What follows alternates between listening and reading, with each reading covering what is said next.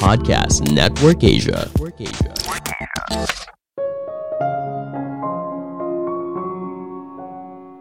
Sebuah diskusi yang awalnya tenang bisa jadi saling berteriak apabila kita tidak berusaha mendengarkan orang lain. Halo semuanya, nama saya Michael. Selamat datang di podcast saya, Sikutu Buku. Kali ini saya akan bahas buku Crucial Conversation karya Joseph Granny. Sebelum kita mulai, buat kalian yang mau support podcast ini agar terus berkarya, caranya gampang banget. Kalian cukup klik follow Dukungan kalian membantu banget supaya kita bisa rutin posting dan bersama-sama belajar di podcast ini. Buku ini membahas cara komunikasi yang efektif saat diskusi mulai seperti medan perang. Apakah kamu pernah berada dalam sebuah percakapan yang awalnya tenang, damai, dan masing-masing pihak sepertinya bicara dengan rasional? Namun tiba-tiba saja, hanya karena satu kata atau satu kalimat yang diucapkan salah satu pihak, percakapan itu jadi seperti medan perang. Masing-masing pihak saling berteriak dan tidak ada yang mau mendengar. Apakah kamu familiar dengan situasi ini? Kondisi ini bisa dialami oleh siapa saja, entah itu antara kamu dengan pasangan, atasan, rekan kerja, atau bahkan dengan orang tua. Jika kamu tidak bisa menanganinya dengan baik, bisa saja hubungan kamu jadi rusak. Masing-masing pihak jadi sakit hati dan mungkin saja tidak saling berbicara. Saya merangkumnya menjadi tiga hal penting dari buku ini. Pertama, insting itu tidak selamanya benar. Mayoritas orang terbiasa bertindak berdasarkan naluri alamiah. Naluri ini sering kali mengontrol respon yang kita berikan kepada orang lain. Kita pasti sering mendengar kalau ketika naluri itu muncul, maka kita harus mendengarkannya. Namun dalam situasi tertentu, mengikuti naluri justru punya efek yang buruk. Contohnya begini, misalnya kamu suka makan donat dan kopi, setiap hari sebelum berangkat kerja, kamu pasti mampir dulu untuk beli di toko favorit kamu. Suatu hari, kamu menunggu sampai 30 menit lebih hingga pesanan kamu selesai. Padahal kondisinya sedang tidak ramai. Tidak berhenti sampai di situ, ketika pesanan kamu selesai, ternyata salah. Hal ini tentu saja membuat kamu kesal. Lalu ada dorongan dari naluri kamu untuk memarahi karyawan tokonya. Kamu meluapkan amarah kamu kepada karyawan toko tersebut. Pertanyaannya seperti ini, apakah ini respon yang tepat? Tentu saja tidak kan? Sebagai permulaan, respon itu tidak baik dan tidak memperlakukan orang lain sebagaimana kamu ingin diperlakukan. Tetapi bahkan jika kamu tidak peduli untuk memperlakukan orang lain dengan baik, respon itu juga berdampak buruk. Karyawan itu mungkin aja jadi sakit hati dan kesal sama kamu. Ketika kamu menyakiti perasaan orang lain, tidak peduli apakah naluri kamu benar atau salah, kamu tetap saja akan mengalami kerugian. Ingat, Tujuan utama kamu dalam situasi itu adalah agar kamu bisa mendapatkan pesanan kamu dengan cepat dan benar kan? Nah, apakah dengan memarahi karyawan tersebut akan membantu kamu untuk mencapainya? Respon yang lebih baik tentunya berbicara dengan tenang dan meminta mereka untuk membuatkan pesananmu lagi karena sebelumnya salah. Respon ini tentunya memberikan hasil lebih produktif daripada mengikuti nalurimu kan? Dilema antara mengikuti naluri atau memberikan respon yang lebih produktif merupakan pilihan yang kita ambil setiap harinya. Sebuah percakapan yang awalnya tenang bisa berubah menjadi saling berteriak hanya karena salah satu pihak mengikuti nalurinya. Anehnya, semakin penting sebuah diskusi bagi kita, semakin sulit kita menanganinya. Apa sih contoh diskusi yang penting? Misalnya saat kamu ingin meminta promosi atau meminta pacar kamu untuk segera melamar dan sebagainya namun ketika orang tersebut berbeda pandangan, kita mungkin tidak secara langsung menyerang fisik seseorang, tapi kita menyerang idenya, perasaannya, dan sebagainya. Ingat, ketika kita gagal mencari solusi dalam sebuah diskusi yang penting, maka hal ini bisa berdampak pada setiap aspek dalam hidup kita, entah itu dalam karir, hubungan kita dengan keluarga, dan sebagainya.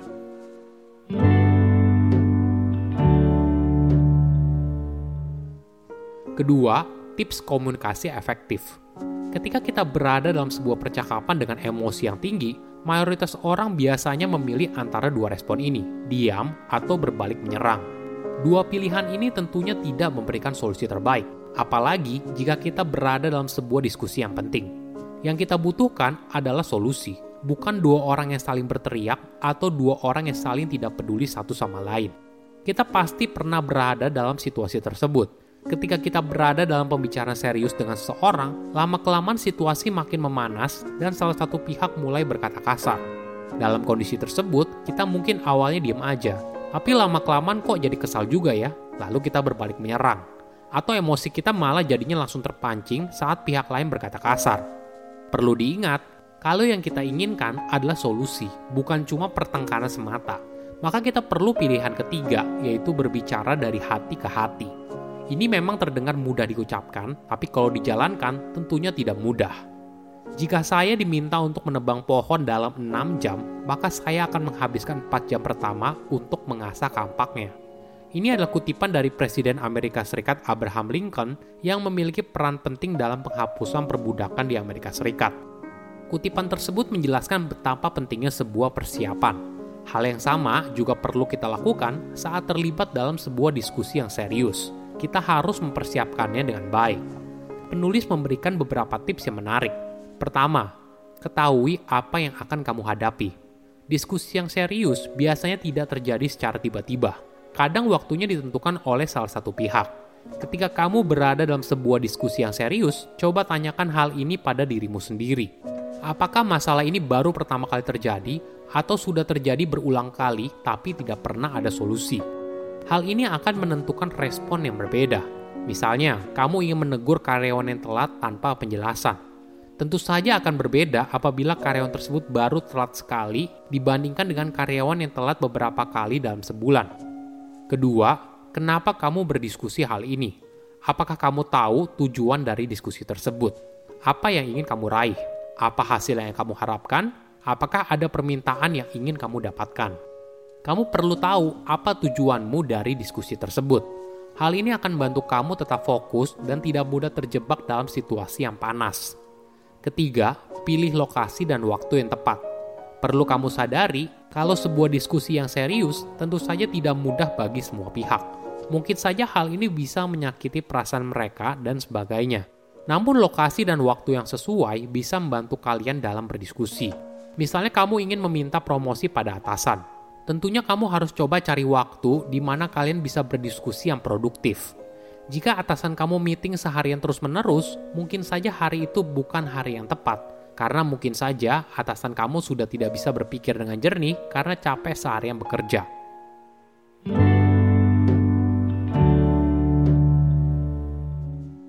Ketiga, mengerti dulu baru dimengerti.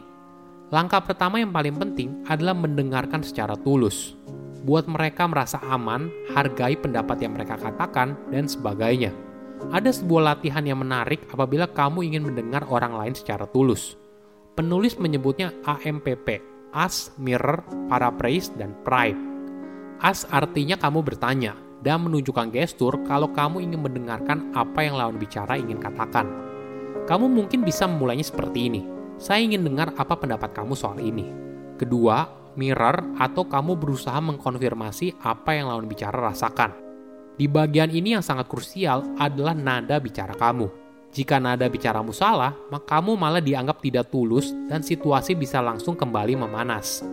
Kamu bisa berkata seperti ini, saya merasa kalau kamu sepertinya kesal.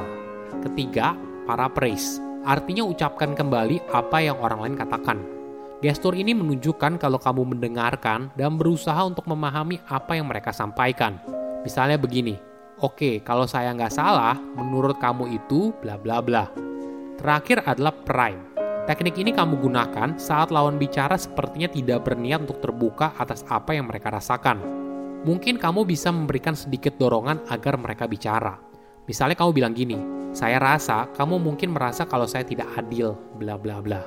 Ingat, tujuan utamanya adalah berusaha mengerti orang lain dulu, baru dimengerti.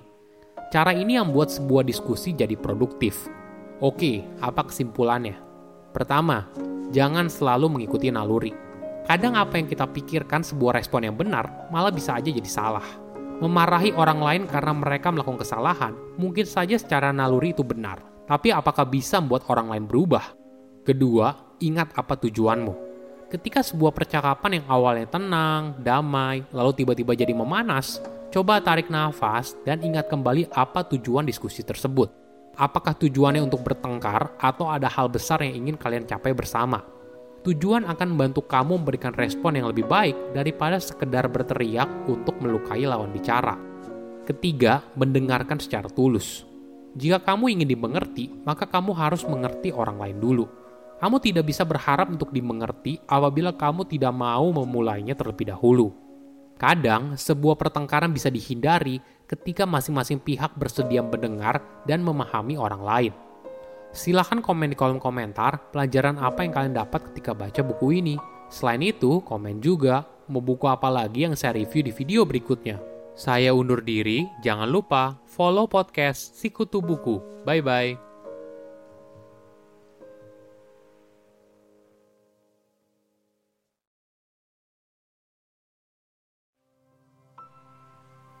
Pandangan dan opini yang disampaikan oleh kreator podcast, host, dan tamu tidak mencerminkan kebijakan resmi dan bagian dari podcast Network Asia.